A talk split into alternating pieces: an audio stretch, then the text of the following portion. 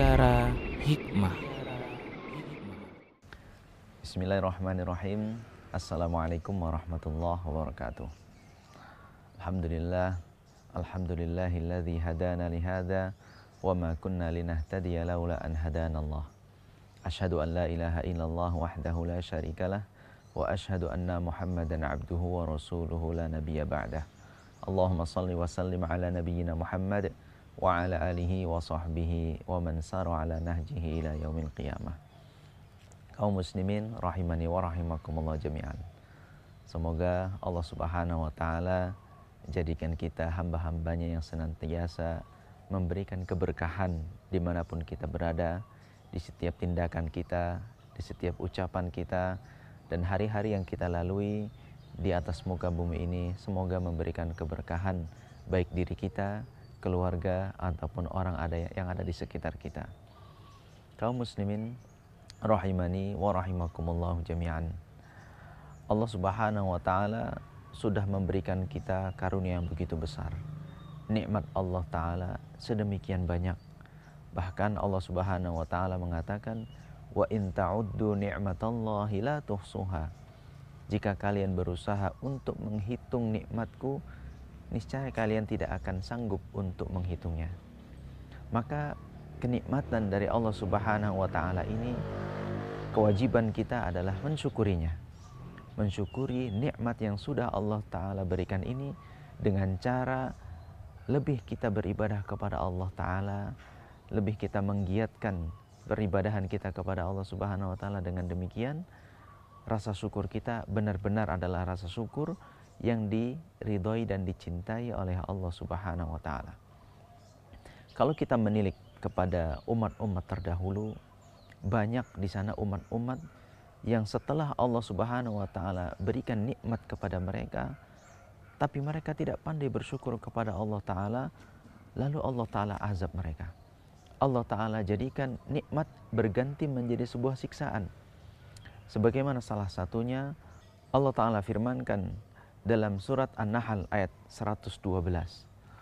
وَضَرَبَ اللَّهُ مَثَلًا قَرْيَةً كَانَتْ آمِنَةً مُطْمَئِنَّةً يَأْتِهَا رِزْقُهَا رَغَدًا مِنْ كُلِّ مَكَانٍ فَكَفَرَتْ بِأَنْعُمِ اللَّهِ فَأَذَاقَهَا اللَّهُ لِبَاسَ الْجُوعِ وَالْخَوْفِ بِمَا كَانُوا يَصْنَعُونَ Allah Subhanahu wa taala memberikan permisalan sebuah desa yang sebelumnya adalah desa yang tenang, tentram, dan mereka adalah orang-orang yang beriman kepada Allah Ta'ala, dan Allah Ta'ala berikan kepada mereka rezekinya dari semua sisi, dari semua tempat. Namun dengan demikian mereka berbuat kufur. Kufur terhadap nikmat-nikmat Allah Ta'ala. Setelah itu Allah Ta'ala pakaikan mereka, Allah Ta'ala liputi mereka pakaian kelaparan, pakaian ketakun. Hal ini disebabkan perbuatan yang mereka lakukan tersebut. Maka kaum muslimin rahimani wa rahimakumullah jami'an. Musibah, keburukan, kepayahan ini semua disebabkan oleh dosa kita. Dosa yang dilakukan oleh seseorang Allah Ta'ala berfirman, Wa ma asabakum min musibatin fabima kasabat aidikum wa ya'fu an kathir. Yang Allah Subhanahu wa taala timpakan kepada kalian menjadi sebuah musibah, menjadi sebuah kesulitan, sebuah itu disebabkan oleh perbuatan tangan kalian sendiri. Dan sebenarnya Allah Ta'ala sudah mengampuni sebahagian besarnya. Maka kaum muslimin rahimani wa rahimakumullah jami'an ayat-ayat ini sudah begitu jelas memberikan gambaran kepada kita apa sebabnya musibah itu kita terima. Apa sebabnya musibah itu ditimpakan di satu negeri. Semua itu disebabkan oleh dosa-dosa manusia itu sendiri. Kita tilik lagi ke belakang umat-umat terdahulu. Bagaimana misalnya kaum Nabi Nuh. Mereka sebelumnya adalah orang-orang beriman mereka sebelumnya adalah orang-orang yang diberikan nikmat oleh Allah Ta'ala. Lalu mereka kufur terhadap nikmat Allah. Mereka beribadah kepada selain Allah Ta'ala. Maka Allah Ta'ala tenggelamkan mereka. Kita lihat juga kaum Nabi Hud, kaum Ad. Mereka adalah orang-orang yang kuat. Allah Ta'ala berikan kepada mereka kekuasaan. Allah Ta'ala berikan kepada mereka kekuatan fisik. Namun dengan demikian pun mereka kufur kepada Allah Ta'ala. Maka Allah Ta'ala siksa mereka. Allah datangkan angin yang sangat dingin sehingga membinasakan mereka semua.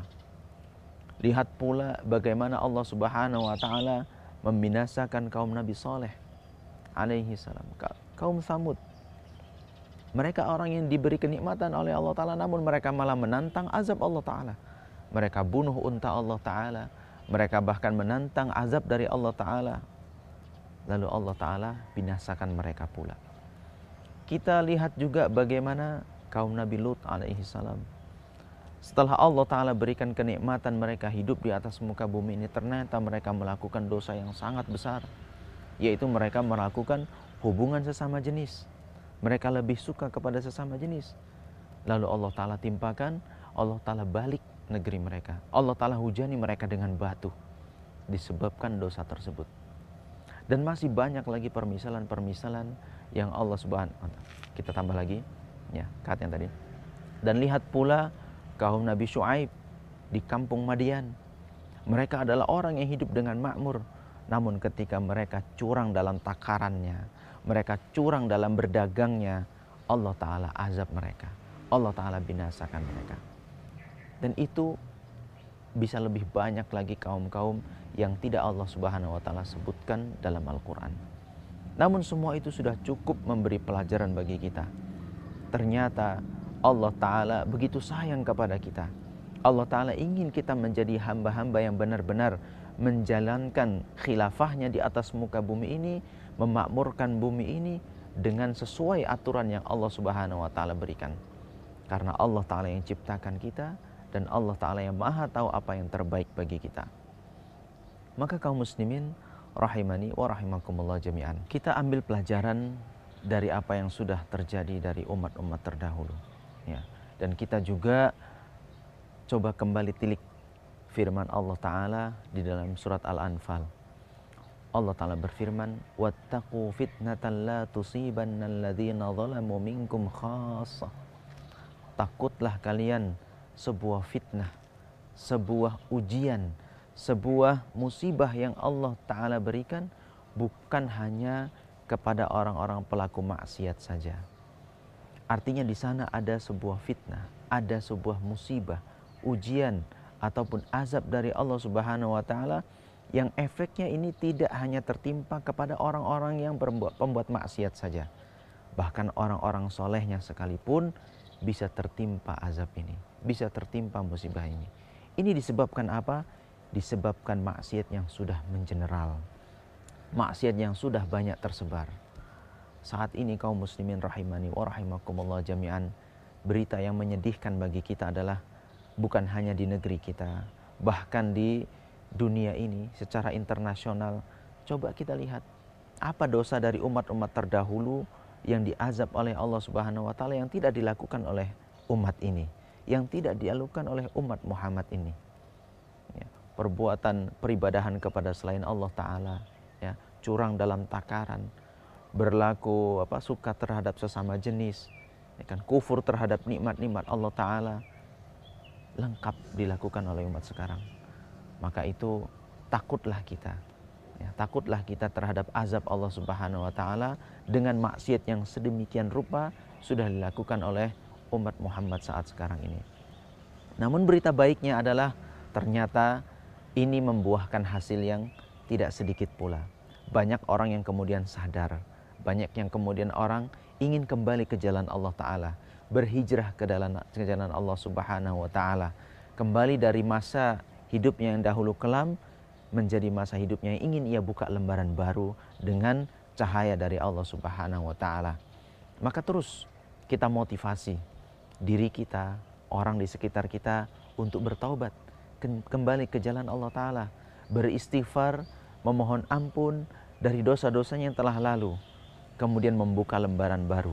Hal inilah yang dicintai oleh Allah Ta'ala. Hal inilah yang disenangi oleh Allah Subhanahu Wa Ta'ala dari hamba-hambanya. Mereka tersadar dari keterpurukannya, kemudian ingin membuka lembaran baru menjadi hamba yang lebih dekat kepada Allah Subhanahu Wa Ta'ala. Dan inilah insya Allah Ta'ala yang akan membuka lembaran baru bagi dunia ini kembali kepada kemakmurannya, kembali kepada kebaikannya seperti sedia kala. Hal yang kita rasakan sekarang ini kita sadari ini disebabkan dosa kita. Namun kita punya harapan besar dengan kita memperbaiki diri, orang-orang di sekitar kita ajak untuk memperbaiki diri, sanak saudara, anak istri, tetangga kita, kita ajak kembali ke jalan Allah Subhanahu wa taala. Semoga mudah-mudahan keterpurukan ini segera berakhir. Keburukan ini segera ada masa akhirnya sehingga kita kembali lagi seperti sedia kala bisa melakukan aktivitas sebagaimana yang kita harapkan. Ini sebagaimana yang Allah Ta'ala sebutkan di dalam surat An-Nazi'at ayat 26. Inna fi dhalika la'ibratan liman yakhsha. Sesungguhnya dalam hal itu semua menjadi ibrah, menjadi tolak ukur, menjadi sebuah pelajaran bagi orang-orang yang takut kepada Allah Subhanahu wa taala takut akan azabnya di dunia dan takut akan azabnya nanti di akhirat. Maka dengan demikian kaum muslimin rahimani wa rahimakumullah jami'an besar harapan kita jika ini terus berlanjut orang yang bertaubat ke jalan Allah taala itu semakin banyak istighfar orang-orang soleh ini senantiasa dipanjatkan kepada Allah Subhanahu wa taala doa-doa kebaikan dari kaum muslimin ini terus naik kepada Allah Subhanahu wa taala maka siksaan ini, musibah ini, ujian ini segera berakhir dan kembali lagi seperti sedia kala. Harapan kita semoga Allah Subhanahu wa taala jadikan kita hamba-hamba yang senantiasa ikhlas, hamba-hamba yang senantiasa beribadah kepada Allah taala, mendekatkan diri kepada Allah taala sehingga dengan demikian terkabullah doa kita Rabbana atina fid dunya hasanah wa fil akhirati hasanah wa qina adzabannar. Wahai Rabb kami, berikanlah kepada kami di dunia ini kebaikan dan begitu juga nanti di akhirat kami kebaikan dan selamatkanlah kami dari api neraka. Mudah-mudahan doa ini terkabul sehingga kebaikanlah bagi kita semua. Aku qouli hadza wa astaghfirullah li wa lakum innahu huwal ghafurur rahim. Wassalamualaikum warahmatullahi wabarakatuh.